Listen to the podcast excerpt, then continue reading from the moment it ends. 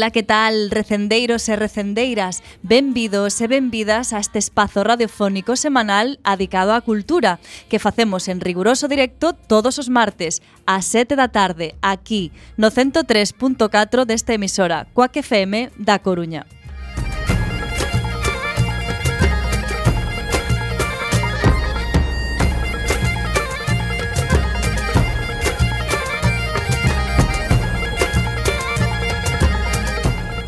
A agrupación cultural Alexandre Bóveda presenta este programa que podes escoitar polas ondas radiofónicas ou a través de internet e tamén en directo na páxina emisora cuacfm.org.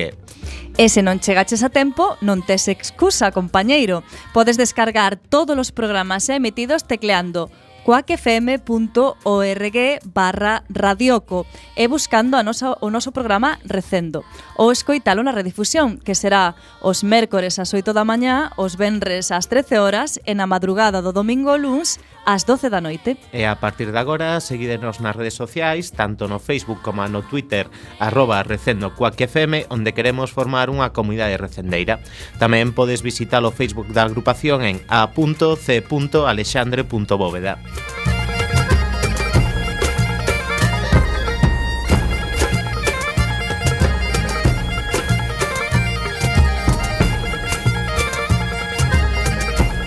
E xa sen máis imos caraló na procura desta fantástica aventura cultural con Roberto Catoira no control técnico. E falándolles coa Almanteira, Javier Pereira. E Marta López. Na caixa de roseiras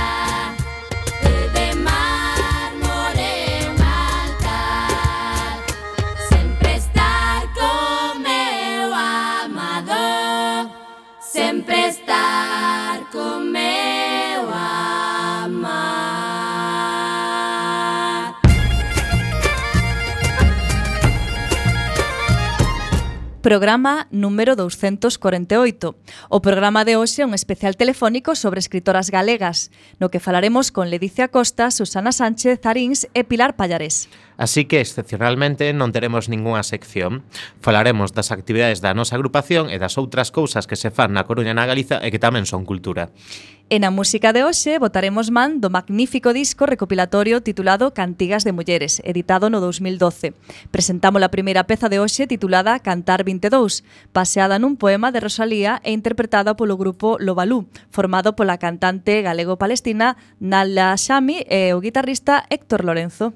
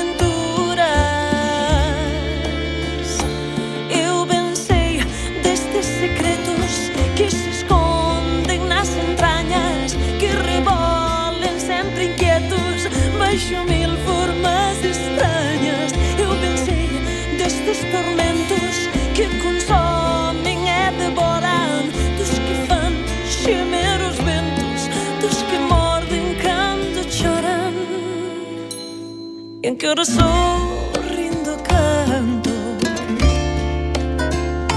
anche ora canto con brio.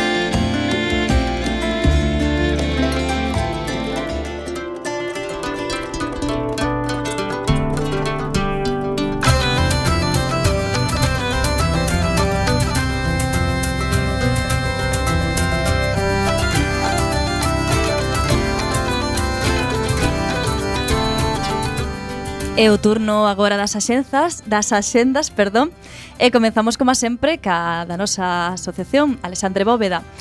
Eh, a nova directiva, eh, imos falar agora dela, o pasado venres 17 de marzo houve a asamblea da agrupación na que se escolleu unha nova xunta directiva. A nova presidenta é María Xosé Bravo. As dúas vicepresidencias recaen en Fina Bastón e Xosé Manuel Sánchez Rey. A secretaría será Antía Barreiro e a tesoreira Ana Mourelle. As catro vogalías serán ocupadas por Isabel Vidal, Xosé La Rosa, Jorge Castro Ruso e Isabel Martínez Risco. O mércores 5 de abril, Luis Vara presentará o seu último libro titulado Non desa esquecemento. Este libro é unha compilación dos artigos publicados no blog do mesmo nome ao longo de case tres anos dende o comezo de 2014 ata setembro de 2016. Mais, sobre todo, é a resposta a unha necesidade, necesidade vital a procura da verdade e da xustiza arredor das vítimas da represión franquista en Galiza. Será no Salón de Actos a partir das 8 da tarde.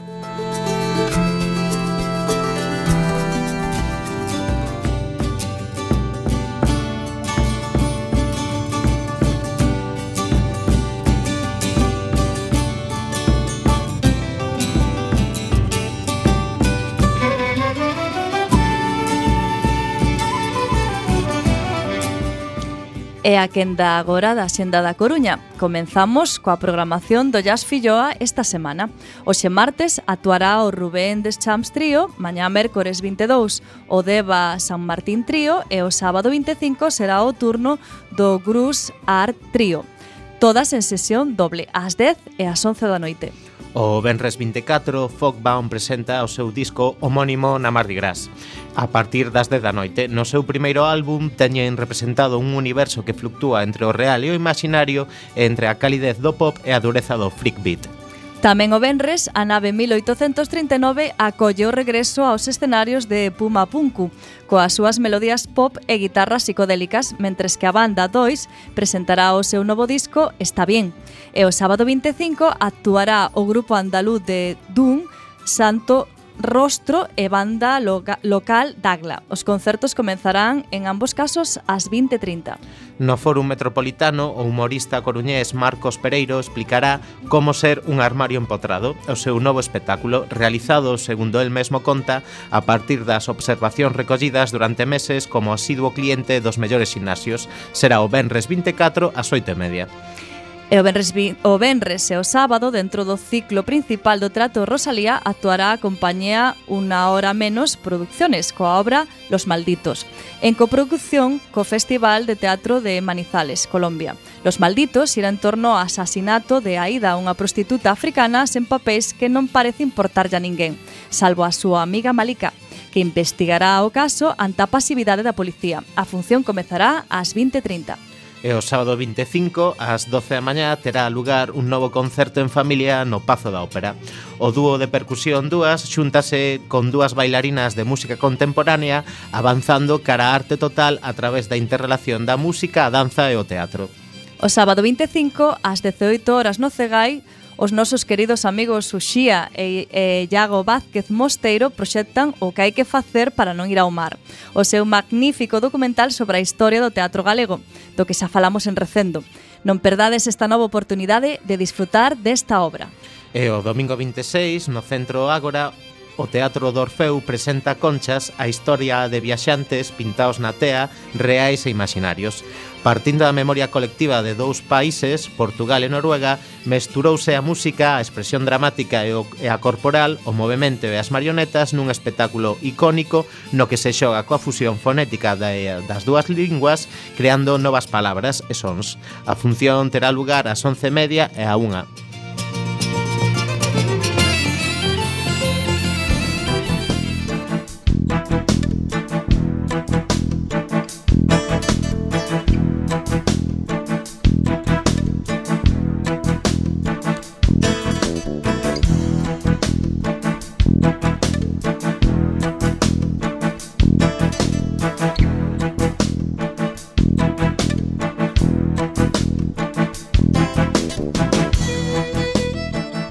Imos agora ca xenda de Galiza.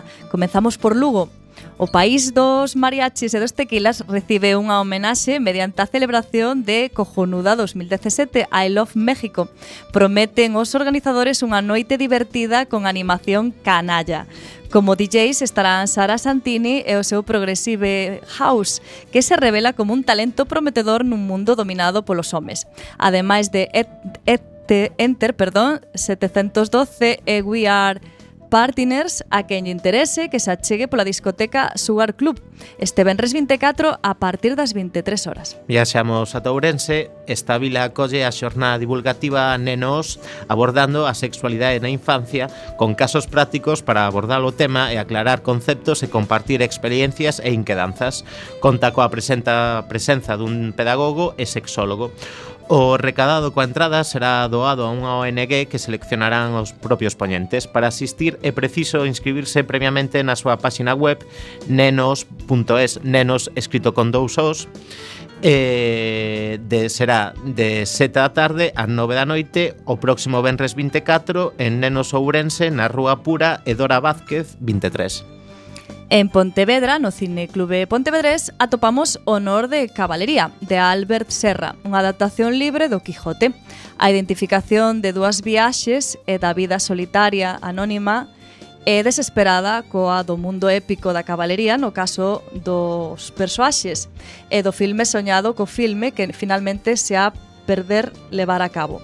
No caso da equipa de rodaxe é o tema principal do filme. Quijote e máis Sancho cabalganse en rumbo na procura de aventuras, hoxe ás 20.30 no Teatro Principal. Imos ata Santiago, Compostela celebra a chegada da primavera en familia con varias actividades deportivas e musicais. Trátase de Cidade Verde na Cidade de Cultura, unha carreira popular de dúas horas e media, obradoiros de supervivencia, de meteoroloxía e observación do tempo e outro para aprender acerca de instrumentos de música electrónica e facer un novo instrumento musical con elementos da natureza.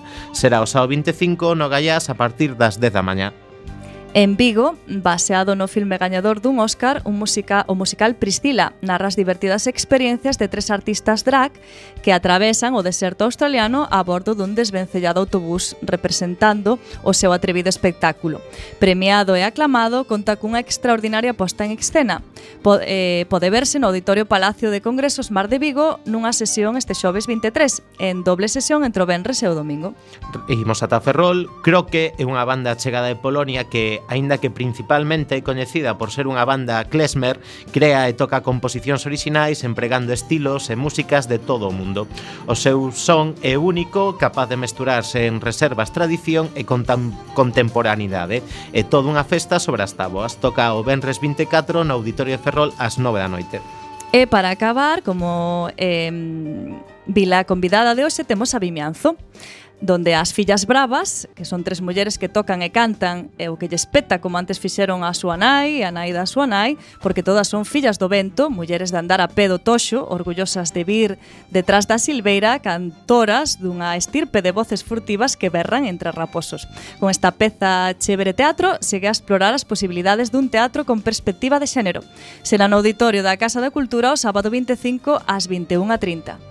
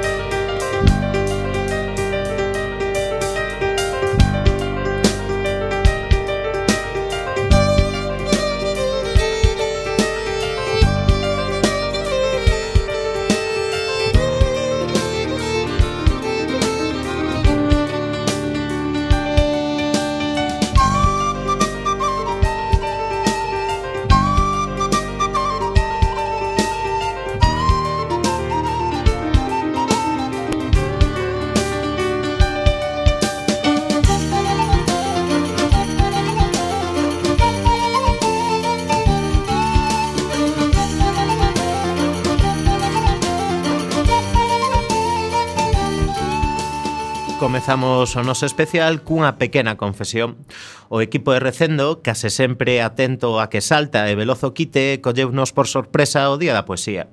Sen embargo, por unha desas felices casualidades que ten a vida, tiñamos en mente dende hai xa tempo adicarlle o comezo da primavera ás escritoras galegas.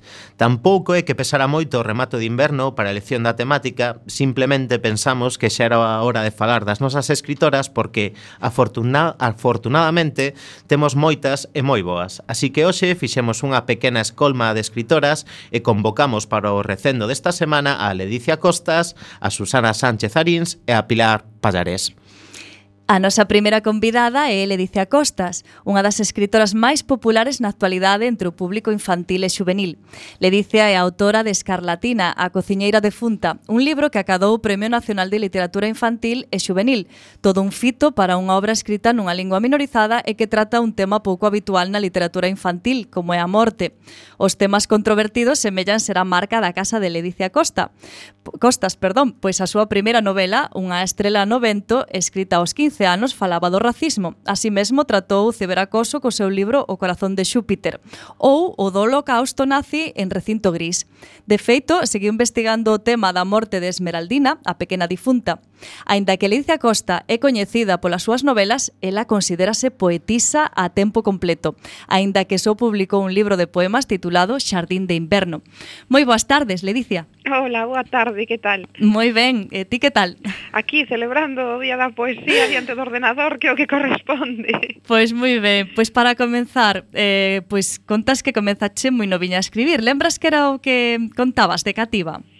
Bueno, eh, recordo o meu primeiro libro vagamente porque non o conservo, a verdade é que era un manuscrito que, que debín queimar nalgúna fogueira de San Xoán e, e era unha especie de, de diario que contaba as aventuras de dúas amigas que vivían nunha cidade chamada Vigo e etcétera, etcétera. Unha historia así moi iniciática. E eso de queimalo, que pasa, non che gustaba supoño que non, que, que, que me arrepentín de aquilo primeiro que escribí, que me deu moita vergonza e, e que o tirei ao lume directamente.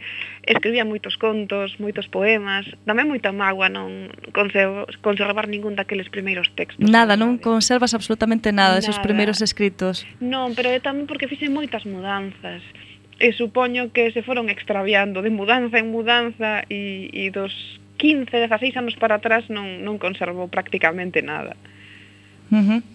E non che gustaría poder visitar eses poemas, aínda que só sexa para contrastar o, o que fas agora co que facías cando tiñas, pois eso, 12 ou 11 anos? Pois claro que sí, teño moitísima curiosidade, eh, con pudor, eh? os visitaría con pudor, pero claro que me gustaría, porque sería tamén un xeito de revisitar a esa nena que fun, non? E, en ese sentido sí que me dá moita magua, pero como son moi caótica e moi desordenada e, e casi non conservo pois cousas do pasado, pois así me vai.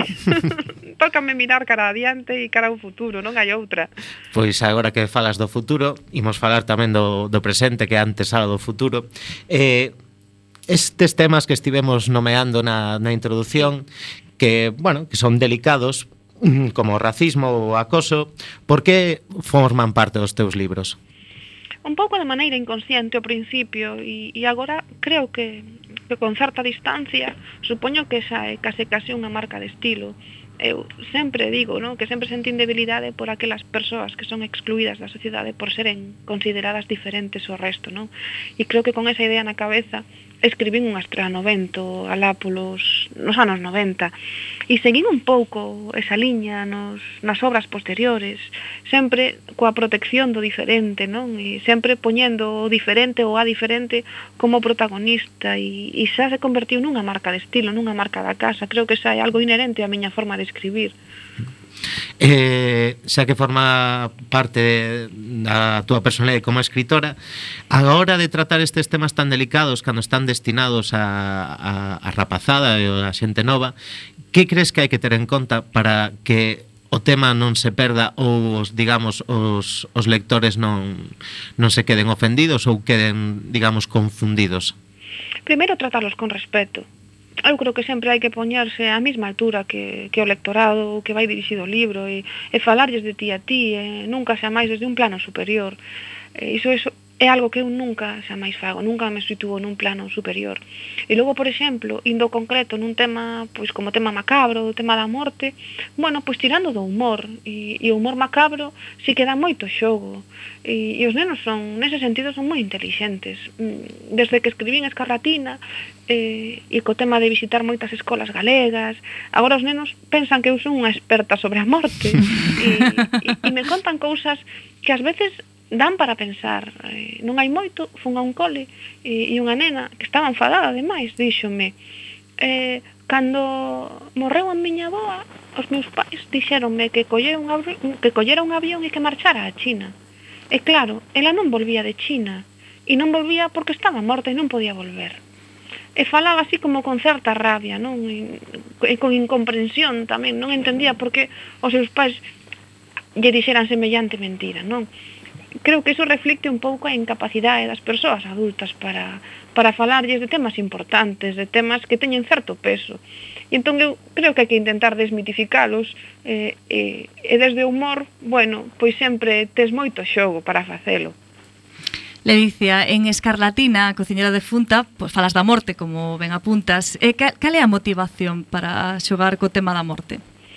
A mí sempre me pareceu moi atractivo todo o universo gótico, o universo macabro. En Galicia hai unha longuísima tradición sobre a morte, temos o tema dos espíritus, da Santa Compaña. E a min de pequena era un tema que me atraía moi especialmente. E, e eu penso que os nenos de hoxe, malia as distancias, non son tan diferentes nos gustos dos nenos pois de hai 30 e moitos anos.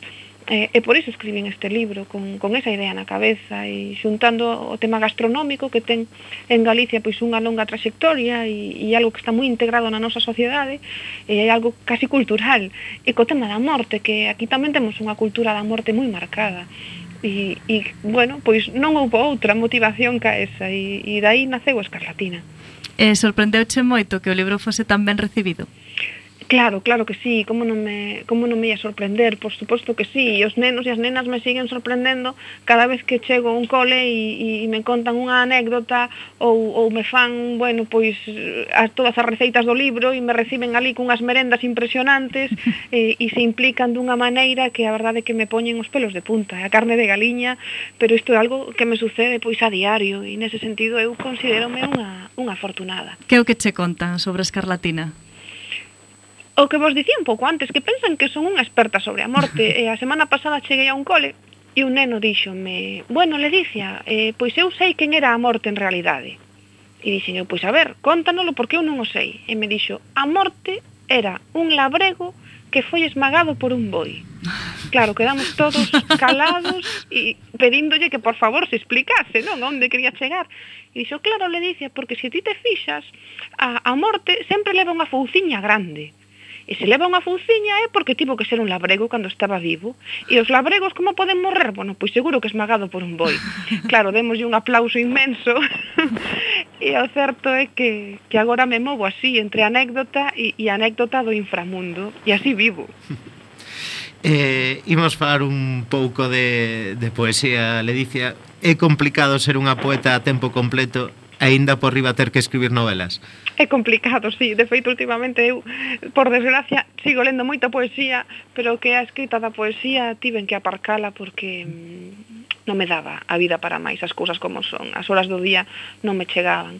Pero mm, recoñezo que, sobre todo durante os meus anos de universidade, e durante os anos no que os, o grupo Os Poetas da Hostia pois estivemos moi en activo, escribín moitísima, moitísima poesía, de feito teño un par de poemarios no caixón que non sei se algún día sairán a luz, pero bueno, aí están.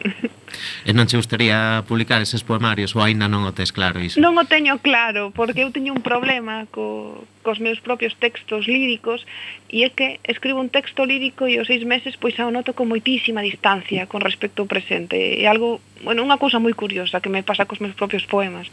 E, e entón non sei, non sei se algún día pois me atreverei a sacalos ou se pola contra van quedar aí para min, non o sei. E como crees que debe ser unha literatura juvenil e infantil de calidade? Uf, esa é unha pregunta complexa. Mm, creo que debe ser unha literatura sen complexos, unha literatura que se atreva a falarlle a rapazada de calquera tema sen, sen ningún tipo de, de, de complexo, nin de tapuxo, nin de tabú. Mm, unha literatura libre, unha literatura onde a imaginación, estea por riba de todo, e onde a escritora ou o escritor pois, lle fale o que falaba un pouco antes con vos, no? o lectorado, desde un plano de igualdade. Unha literatura que non sexa molarista, unha literatura que non sexa excesivamente didáctica e, sobre todo, unha literatura que, por riba de todo, e sin lugar a dúbidas, que lles arrinque unha emoción, que os emocione, que os enganche e, e que, e que bueno, que os axude a vivir vidas paralelas e viaxar, que iso é máis bonito. E que temáticas botas en falta na, na literatura galega? Poucas. Recoñezo que a literatura galega eh, e agora vou falar da, en concreto da infantil e juvenil, é unha literatura moi rica e hai moitos autores e moitas autoras que, que somos arriscadas e, e que nos atrevemos con calquera tema. Prácticamente se tocaron todos os paus. Eu creo que queda pouco por, por tocar. O que sí se pode tocar é desde diversas perspectivas, desde diversas ópticas, pero analizando a literatura en xeral prácticamente está todo feito. No que se refire aos temas é moi difícil innovar. Eu creo que si se pode innovar pois co estilo e coa forma de contar. Eh, crees que estamos deixando de lado temas que afectan case en exclusiva ou nunha maior porcentaxe ás nenas e rapazas? Deixando de lado, no, eu creo no. que todo o contrario. Creo que a día de hoxe, en, en concreto na literatura galega, pois polo menos as autoras e os autores de literatura infantil e juvenil, precisamente estamos construindo personaxes protagonistas femininas e nos estamos preocupando porque por construir mm, mulleres valentes, nenas afoutas, atrevidas e romper un pouco os tópicos e os estereotipos, os estereotipos que nos levan acompañando tantos anos. Eu creo que desde hai un tempo estamos vivindo un, un, un punto de inflexión nese sentido e creo que hoxe en día calquera profe eh, galego pois lle pode dar a, a ler os seus alumnos, as súas alumnas, pois obras onde se rompan os estereotipos de xénero, sin, vamos, pero sin ningún problema, nese sentido eu creo que a nosa literatura eh, infantil e juvenil é unha das, bueno, que, que teñen moito prestixio en todo o territorio nacional. Non somos nós conscientes do ben consideramos que considerados que estamos fora de Galicia. Eh, Ledicia, xa que nos decidimos adicarlle este especial ás mulleres escritoras, podes recomendarnos un par delas. Xa poden ser ou xente que está que fai pouco que debutou ou consagradas, eh, tanto de literatura infantil e juvenil ou incluso para adultos, o que ti vexas. Pois claro, recomendo, por exemplo, mm, o último premio Gilles Verne de literatura juvenil que escribiu unha autora Eh, que publicou o seu primeiro libro, que foi este, que se titula Xa non estou aquí, Iri a misa, que iso debutou en, en edición xerais, e que é unha novela juvenil moi interesante e que creo que pode ter un longo percorrido.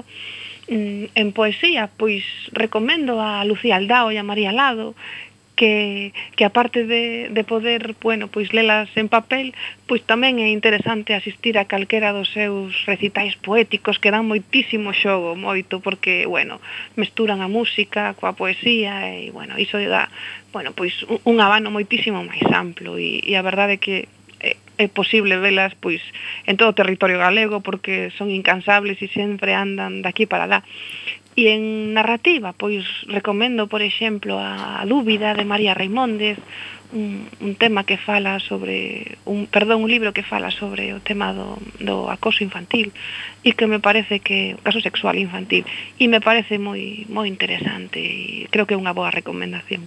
Pois apuntamos todas estas recomendacións, Ledicia, eh, moitas gracias polo teu, teu tempo e eh, por esta conversa tan interesante. Nada, eh. gracias a vos por ternos en conta as mulleres, que iso sempre é de, para ter en conta. Moitas gracias. Gracias a ti, Ledicia, que teñas boa tarde. Unha aperta, taloguiño. Hasta logo.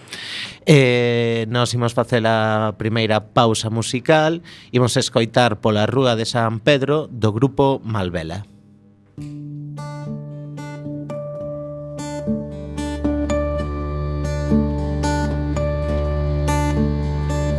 Cantora que ves cantando,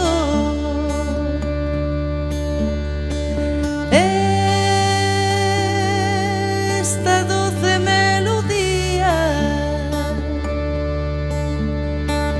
Canta que estou agardando, canta que estou agardando a que chegue o no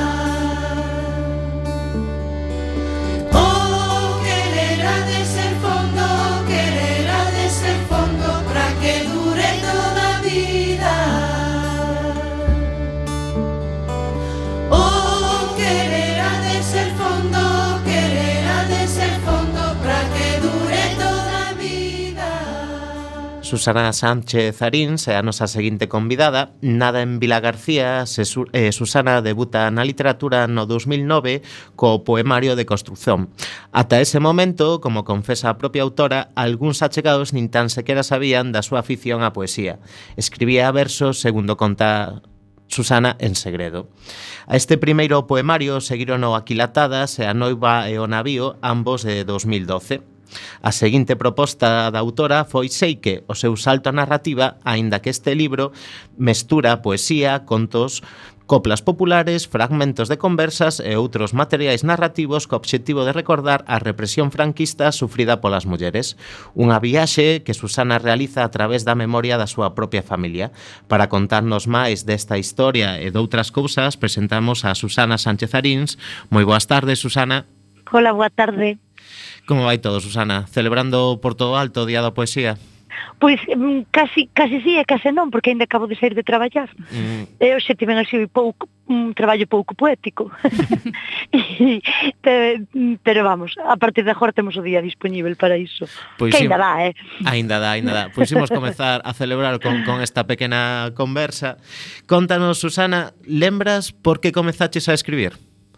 No, eso creo que algunha vez xa o dixen, porque me lembro escrevendo desde sempre. Hmm. É como cando te preguntan o de se lembras cando aprendeches a andar. Hmm. Non, é dicir, eu lembro sempre a asociación leitura e escritura. Lembro, claro, lembrome desde pequeniña así porque non me lembro antes de hmm. saber ler e escrever. Non? Eh, entón sempre me acompañou. Sempre escribín. Mm. E como foi que, que pasas de escribir versos en segredo a publicar nunha colección como Espiral Maior? Bueno, ah, bueno, o de publicar nunha colección Espiral Maior foi produto dun, dun premio, non? Do Pérez Parallé, do, de Fene, que evidentemente implicaba a publicación espiral, de Espiral Maior que, que a colección de poesía pois agora mesmo é a máis importante non? Que hai na Galiza nas editoras galegas e a que ten así esa liña definida poética non? Bueno, agora hai algunha máis pero no momento en que eu publiquei casi que era única. Mm. Eh, pois o salto veu dado polo compromiso a verdade. Mm, pois porque viaxei coñecín mulleres de outros países que que, que se esforzaban por facer escoitar a súa voz non? E por facerse sentir no panorama bastante máis eh, represivo que o que eu tiña aquí e de sentín así como unha vergonza enorme, non? De eu simplemente manterme en segredo por unha cuestión de, pues de falsa humildade ou de medo a crítica ou de, ou de pensar que, bueno, sobre todo iso de, de medo de, de enfrentarte ao público, non? Entón, como que me sentín, bueno, obrigada a, a que eu teño voz, a dala a coñecer, precisamente porque nesta sociedade na que eu vivo, pois até certo punto podo falar en alto, me pase nada, non?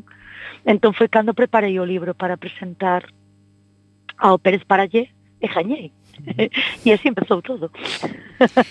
e Susana, pensas que os teus eh, tres poemarios teñen algún aspecto en común? Eu creo que hai elementos que, que recorren todos os poemarios, ainda que cada un ten a súa ten a súa maneira persoal, non? Cada un ten como unha estrutura moi definida e un tema específico que traballa, mas en todos podes encontrar elementos comuns, un, por exemplo, das mulleres, e a voz das mulleres, e as voces caladas e silenciadas que de repente abrollan, eu creo que nos, nos tres poemarios iso aparece, aparece tamén no sei que despois, e outros elementos como o rescate da memoria da memoria oral, non? E da tradición oral que tan, está tan desprestixiada, creo que tamén aparece aí nos tres poemarios, creo que sí que hai elementos non que, que establecen algún tipo de relación tendo en conta que eu tamén creo que son independentes non que podemos lelos de maneira isolada cada un deles uh -huh. E por que crees que desfrutas escribindo poesía? Contanos eu paso moi ben. Hai moita xente, non, que fala, que pades desafojar, e eso tamén. É dicir, e a poesía é certo que nace dun dun incomodo, non? Ten que haber penso eu, non? Que a boa poesía nace dunha incomodidade vital. Bueno, a boa poesía, a boa literatura, a boa música, é dicir, todas as artes, eu creo que cando son moi boas é porque nacen dunha incomodidade vital que pode te, pode ter moitos moitos aspectos, non? E que e, e que ti te, bueno, te reveles esa incomodidade ou intentas entendela escribendo, non? no meu caso. Mas é, é certo que eu o disfruto moito porque aínda eu aínda vivo a poesía como un xogo. E por exemplo, pois todos os meus libros partiron dun reto, un reto, un reto literario, pero que non deixaba de ser iso, brincar, non xogar coa palabra, revirala, a ver se podía dar se deu feito isto, se deu feito aquilo, non? Entón, claro, eso é gozo final, é pasalo ben, non? Independentemente de que mellor xa textos moi duros, non? O final é pasalo ben, e eu paso moi ben xojando co, coa palabra. Imos falar doutros xogos de, de palabras, neste caso de Seike. que o que quixeches contar con Seike? Bueno, quixen contar, a, inicialmente quixen contar a historia dun ou descubrila, non, saber dela a historia dun tío malo que tiñamos na familia, non? Un tío de meu pai o tío Manuel, que non sempre soubemos que, que fora malísimo, non sabíamos moi ben por qué, non, en certo momento puxémonos a, a pesquisar, a ver a razón desa maldade, e entrou polo medio a guerra civil, o fascismo e, e os paseos, non? E, e claro, eu cando soube máis menos desa historia, quixen, quixen facela pública, non? Que se soubese o nome dese señor e que se soubese que ese señor, pois o que fixera e o que non. Mas é certo que agora así a, por si decirlo, vista, botada a vista para atrás, eu creo que tamén o escribín para comprender a atitude da miña aboa, non? Durante todo o franquismo, porque foi unha muller que eu creo que foi, bueno, eu para min é unha represaliada, non? Mm. E e en cambio, pois ela ti se avis, bueno, acomodouse, non? A situación do, do franquismo, mesmo eu supoño que se en algún momento en algún momento lle pedíramos que se definira pues, probablemente ela se definiría como partidaria do réxime, e, e entón eu creo que buscaba entender non Esa, ese posicionamento dela, sendo como foi unha vítima. E creo que ao final foi a razón última pola que escreven o libro. E ao tratarse dunha historia tan persoal que toca tan de preto a túa familia, costouche tomar a, decis a decisión de darlle corpo a Seike? Costoume non, non tanto a decisión de darlle corpo, foi igual un pouco máis, foi non duro, pero sí que tocaba, non? Tocaba moito a fibra, pois precisamente a parte máis afectiva, por exemplo, naquilo que tocaba os meus avós, non? Porque mm. son as persoas que eu tratei e que porque o tío Manuel eu non cheguei a tratalo. Entón, aínda que a personaxe máis, ou a persoa e a personaxe todo un tempo, non? Eh, e a persoa pois peor tratada no libro porque o merece, non porque tal. A min non me non me causaba, non non me non non non me resultaba difícil facelo, porque non cheguei a coñecelo, pero si os a vos. E despois máis que escrever a historia costoume muitísimo traballo ensinarlle a pois a persoa directamente afectada na miña familia que era meu pai, non? Eu quería que la lera antes de publicala e ese paso costoume traballo, claro, dalo, porque tiña moito medo de que de que, bueno, de lastimalo moito e de que se enfadase. Uh -huh. Eu contaba que meu hijo me retiraba as falas Que non foi, eh? mas, mas, eh, claro, ese medo sempre tes aí, non? De como tomará a túa familia iso E eu como meu pai, pois, non o tomou nada mal O resto a verdade é que tampouco me importou Eh, por que decidiches empregar materiais tan diversos para compoñer Seike? Formaba parte dese xogo que, que, que a ti tanto che gusta ou había outras razóns? foi un recurso que encontrei no camiño da escrita, que é outra cousa que eu creo que a escrita ten, bueno, calquera arte, non? Eh, ten, ten de fermoso, que, que ese espazo de descoberta, non? De encontrar cousas que, nas que non pensaras. Eu a primeira idea era escribir un, un romance clásico, pesquisando na historia de, do tío Manuel e, e, bueno, e da familia, había moitas lacunas, non? Moitos espazos en branco, que eu non sabía como cubrir se non era inventando e eu non quería inventar non? entón ao final, bueno, houve un tempo que o libro descansou porque eu, houve un momento en que me bloqueei e non sabía como seguir até que descubrín que pois que a maneira de seguir era precisamente incorporando ese, esas lacunas, non? Mm. E escribir o libro de maneira fragmentaria, para que se vise, eu quería ao final reflectir tamén esa dificultade na pesquisa, non? Na, na cuestión da memoria histórica, que hai cousas que, que probablemente non imos saber nunca, porque as persoas que viviron, pois, pois xa morreron, non? E ah, da documentación pouco caso podemos facer, porque bueno, se unha documentación oficial o, o tío Manuel foi unha persoa estupenda e maravillosa, non? Cando é mentira, eh, etcétera, etcétera, non? E os delincuentes, eh, os delincuentes na documentación oficial pois son as vítimas.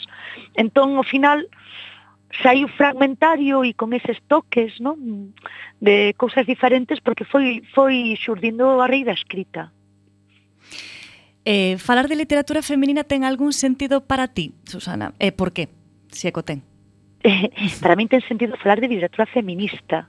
Uh -huh. Feminina, non sei, a, a clasificación esa feminina e masculina é un pouco falsa, non? É dicir, que colles un texto a cegas e non, non podes saber se está escrito por un home ou por unha muller, non? Non hai ningunha marca nos nosos estilos, nas nosas maneiras de escrever que poidas decir, ah, isto é dunha tía, isto é dun tío, non? Mas si é certo que existe a literatura feminista e eu incluo Menela, non? Unha, unha literatura que se posiciona e que coloca a muller pois, nun espacio de visibilidade. E nese sentido eu eu quero posicionarme como autora feminista e, e eu penso que os meus, en, nos meus libros en todos houve algún elemento no que intentei traballar non esa, esa ollada feminista sobre o feito literario poden ser a nivel temático, a nivel formal, pero sempre eu creo que sempre hai algo aí.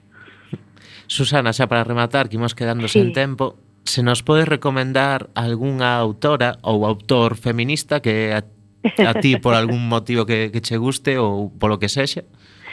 pois encandiloume, aparte, bueno, unha muller que é certo que está a mí dame, parece que dan medo ás veces non citar a persoas que autoras que están de moda, mas ás veces teñen de, é dicir, hai un sentido, non, a que estén de moda. Sí. E hai unha hai unha autora que eu adoro, todo que lindela adorei, que é Chimamanda Adichie, mm. que é, é nixeriana, sí, sí, é nixeriana, non lembro. Podes Agora, repetir creo que o nome? Sí, Chimamanda Adichie. Chimamanda. E, bueno, que maravillosa, ten un libriño de contos que é preciosísimo, ten bueno, unha serie, a primeira, a súa primeira novela, que a, a, a flor a flor púrpura. É é impresionante, decir, eu alucino con que unha persoa tan nova pode escribir tan ben, sabes, isto, e creo que é unha, unha muller digna de ler e de escoitar, ten, ten conferencias eh, aí na, na web, no, probablemente se a buscades no, nalgúna canle de vídeos encontrarédela e tamén dá gusto escoitala, non falar. Po... E, e é unha recomendación que vos fajo hoxe. Pois moitas gracias, Susana. Tomamos nota eh, que teñas un feliz día da poesía. Igualmente a vos. E moitas Veña. grazas por, por esta conversa. Nada, grazas a vos. Hasta logo. Hasta logo. Eh, imos a facer a derradeira pausa musical doxe.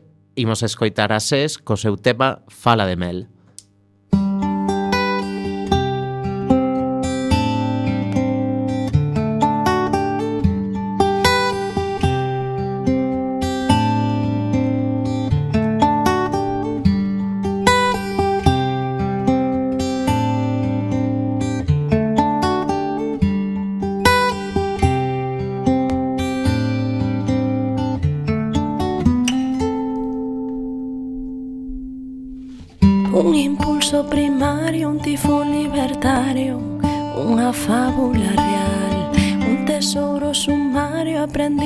corsario, insolente, leal.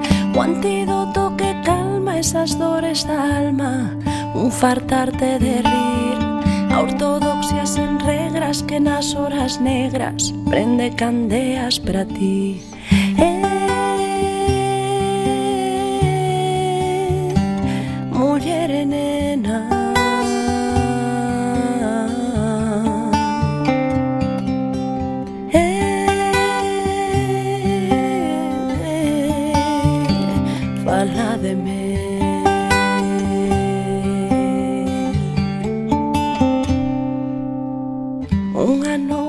nosa derradeira convidada é tamén poetisa, aínda que tamén se dedica a crítica literaria e o ensaio. Ela é Pilar Pallarés, unha das voces máis valoradas da poesía galega. Aínda que a súa obra non é moi extensa, cinco libros nos que podemos destacar Sétima Soidade, o libro das devoracións ou Leopardo Son, aínda que podemos atopar os seus poemas nun bon número de obras colectivas. O certo é que a súa poesía sempre se lle recoñece un selo de calidade. Prova disto son os prestixiosos galardones galardóns acadados pola súa obra. Falamos do premio da Asociación O Facho, o Esquío ou o Premio Nacional de Crítica Galega. Pilar Pallarés foi membro da directiva da Asociación de Escritores en Lingua Galega, así como da nosa agrupación. Na actualidade é profesora nun instituto da nosa cidade. Moi boas tardes, Pilar. Hola, boa tarde. Que tal, como estás? ben. Lembras como... Eh, Perdón, son un apuntamento, xa sí, hai 10 anos que non son profesora, ah. que que deixar por cuestións de saúde. Mm, bueno, pois pues, aí queda. Moi ben. Lembras como te afeccionaches a escribir? Eh, lembro eh, que foi na, na adolescencia, eh, nunha época na que vivía en Vigo, mm, aínda que realmente naquel tempo a parte de escribir, pintaba e eu daballe bastante máis importancia a, a pintura e, e soñaba realmente con ser pintora de verdade, non con, non con publicar poesía, ni nada similar. Uh -huh. Entonces, cando decidiches que pagaba a pena o esforzo de escribir? Eh, foi mm, a ver, pasamos de estar en Vigo a voltar a Coruña e eu non sei por que abandonei completamente a pintura e logo tamén coincidiu, non? Que teño contado moitas veces a través de Francisco Pillado Rivadulla, o que foi magnífico director da Voz de Galiza, de Galicia nunha época, eh, dunha moi amiga eh, que asistía ás súas tertulias, eh, pois fixeronme un día unha encerrona para que lle lese poemas a Luis Seoane, e coñecino un día únicamente unha semana antes de que morrese, pero foi fundamental porque decidiron que tiña que organizar un libro cos meus poemas e foi o primeiro libro que saiu en Edicións do Castro. E, en certa maneira, o de publicar e sair a, pues, ao mundo así público foi máis decisión de amigos e de persoas que coñecín que miña. A túa, a, a túa poesía, Pilar, considerase principalmente intimista, Pensas que nisto da poesía intimista todo é tan íntimo como parece? É dicir, o poeta ou a poetisa non garda nada para el?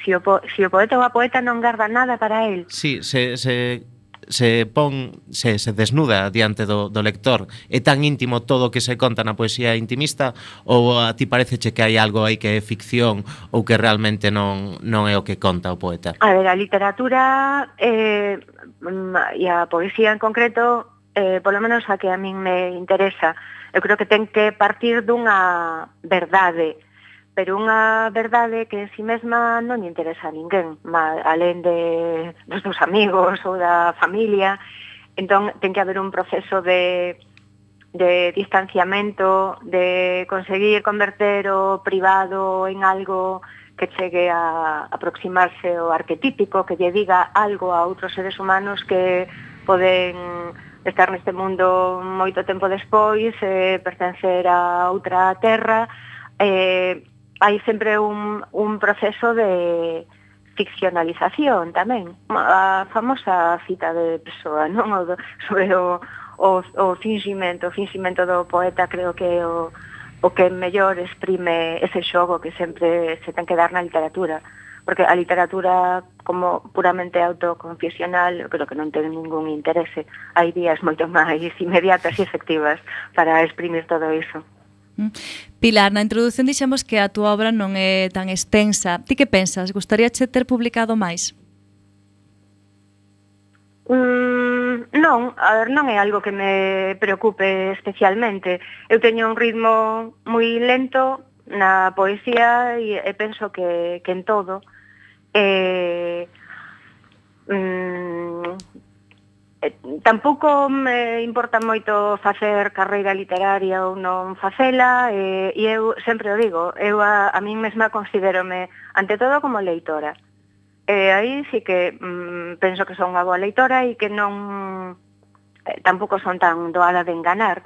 Entón, eh, eu como leitora de min mesma son menos doada de enganar aínda. Entón sei perfectamente o que podes facer porque está ben, eh, pois seguir publicando e demais, e o que, e o que realmente pode ter un certo valor e a, eh, e, e que non. Logo tamén as circunstancias da vida, non? Uh -huh. A verdade é que, por exemplo, eu todos os anos, todo o tempo que fun profesora de, de lingua e de literatura galegas e ao final tamén universais, penso que ás veces a, mm, a ver unha cuestión moi concreta, non? Eu escribo fundament, fundamentalmente polas mañas, o cal está moi reñido con ter unha profesión, claro.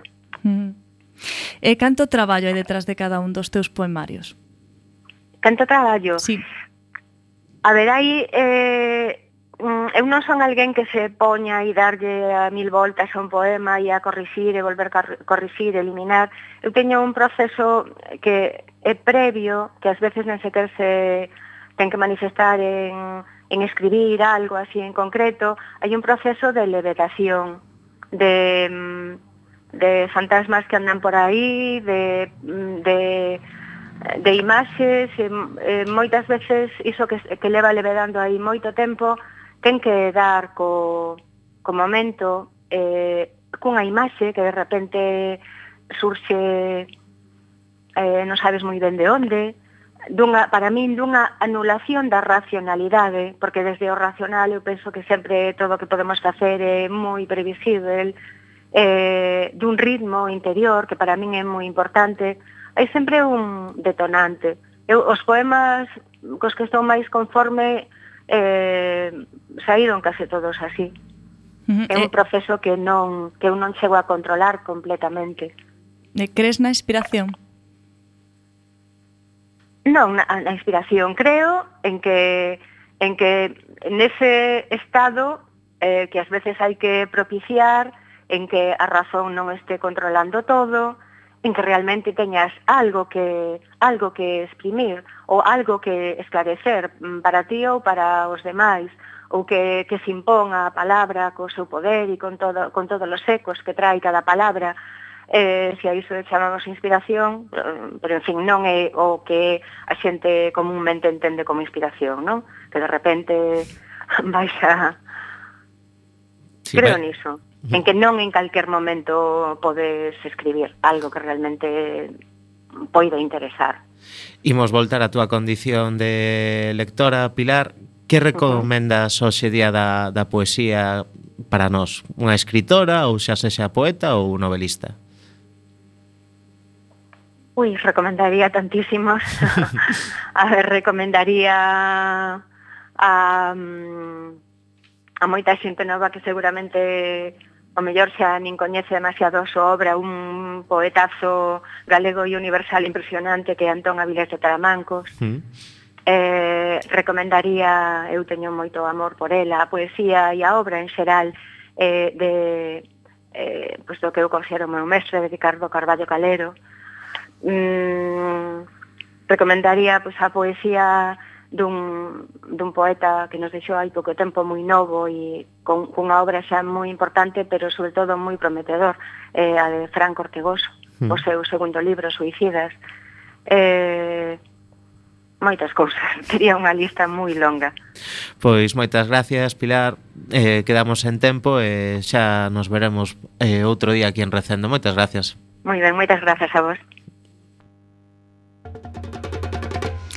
E sen tempo para máis odiseas, imos chegando a fin do camiño deste recendo. Despedimos o programa de hoxe agradecendo os nosos convidados que, como sempre, son de honra. Hoxe tivemos connosco as escritoras Ledicia Costa, Susana Sánchez Arins e Pilar Pallarés. E agradecendo a semente pedrangular de todo o noso comando e equipo de produción formado por Antonio Brea, Manu Castiñeira, Roberto Catoira e Javier Pereira. E aquí estivemos Roberto Catoira nos controis e coa lenta do micrófono Marta López e Javier Pereira Acompañándote en